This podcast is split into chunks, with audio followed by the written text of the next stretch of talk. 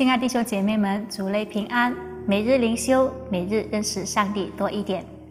我们知道灵修离不开圣经，所以请带弟兄姐妹们这个时候拿出你们的圣经，让我们一起翻开到今天要思想的经文，就是《使徒行传》八章一到二十五节。今天要灵修的主题是“上帝行事令人难解”。在我们还没有进入灵修之前，请我们低头做一个祷告。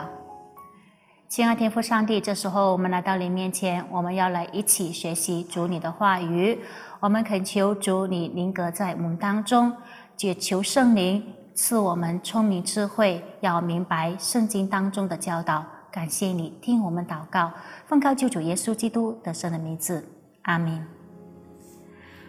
从圣经当中让我们知道，上帝从不曾主动使他的子民受苦，但是上帝却能够使苦难。成为工具去完成他的计划，就好像今天我们要学习的圣经一样。在《使徒行传》的第八章第一节就告诉我们，他说：“从这日起，耶路撒冷的教会大遭逼迫，除了使徒以外，门徒都分散在犹太和撒玛利亚各处。从这日起，这日是指哪一日呢？”就是尸体反被杀为主殉道的那日开始，犹太人他们仍继续设法的要去逼迫那些在耶路撒冷的信徒，他们想通过这样子来阻碍教会的发展，逼迫使到信徒们分散到犹太和撒玛利亚各处，但是福音就会因为他们这样子做就被拦阻，不能够传播出去了吗？不会的，因为这里让我们看到福音传播，是因为这些的被迫的信徒们，他们走出去，以致能够把福音传到犹太和撒玛利亚各处。因为在第四节里面就告诉我们，那些分散的人往各处去传道，由此让我们看到犹太人他们的逼迫，他们拦阻福音。发展的这个恶意，正好就成就了上帝的计划，使得这些门徒们不仅在耶路撒冷能够做见证，在犹太和撒玛利亚各处也能够做见证。在第八章的五节里面提出到了一个很重要的人物，那就是菲利。菲利是谁呢？菲利其实就是与斯帖凡同时被选为教会的执事。他后来也是离开了耶路撒冷，去到了撒玛利亚的其中一个城市去传扬福音。同时，当他在传福音的时候，也有神迹奇事伴随着被传播出去。当时发生了什么神迹奇事呢？就是邪灵被赶出去，瘫痪的、瘸腿的也被医治了。这些是神迹奇事，对当时的撒玛利亚人信主扮演的非常重要的角色。因为我们知道啊，当时的犹太人他们都很排外的，不与这些撒玛利亚人交往。由于这些撒玛利亚人他们接受了福音，所以啊，在耶路撒冷的那些使徒们呢，就差派了啊使徒彼得和使徒约翰，就到那里去视察。当他们到那里的时候，就为这些听了菲利所传福音而悔改的这些撒玛利亚人呢，去啊按手祷告的时候，圣灵就降临在他们的身上。很显然的，就可以让我们看到那些受了圣灵的撒玛利亚人呢，有像发生在五旬节的骑士呢，就随着他们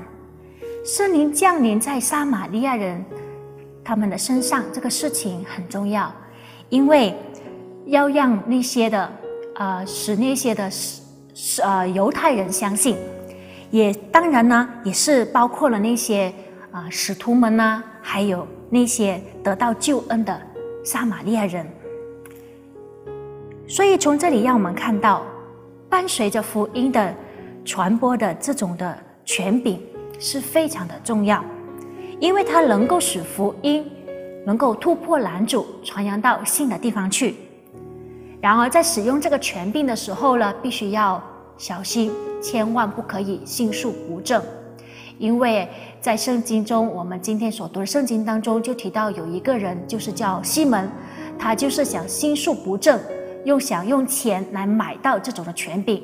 结果就大大的被使徒彼得所斥责。所以让我们看到，在传福音当中，我们一定要小心运用这个权柄。今天我们都活在这个疫情之下。我们知道，我们的户外活动也是减少了很多，但是另一方面，我们看到现在的社交媒体啊，真的是越来越广泛的使用了。所以，我们今天有没有想想到，其实这也是上帝给我们一个很好的一个契机呢？能够为主传福音的好的机会呢？我们有没有好好去使用这样的机会？还是我们今天还在这里埋怨上帝，为什么让我们？呃，生活在这个疫情之下呢，虽然呢，我们知道上帝的形式是令人难解，但是正如以赛亚书所告诉我们的，上帝的意念啊，非同我们的意念，上帝的道路也高过我们道路。今天我们遭遇很多事情，可能我们现在都很难去明白，但是这并不妨碍我们信靠主。因为只有我们信靠、仰望主耶稣基督，我们就能够与他一路同行。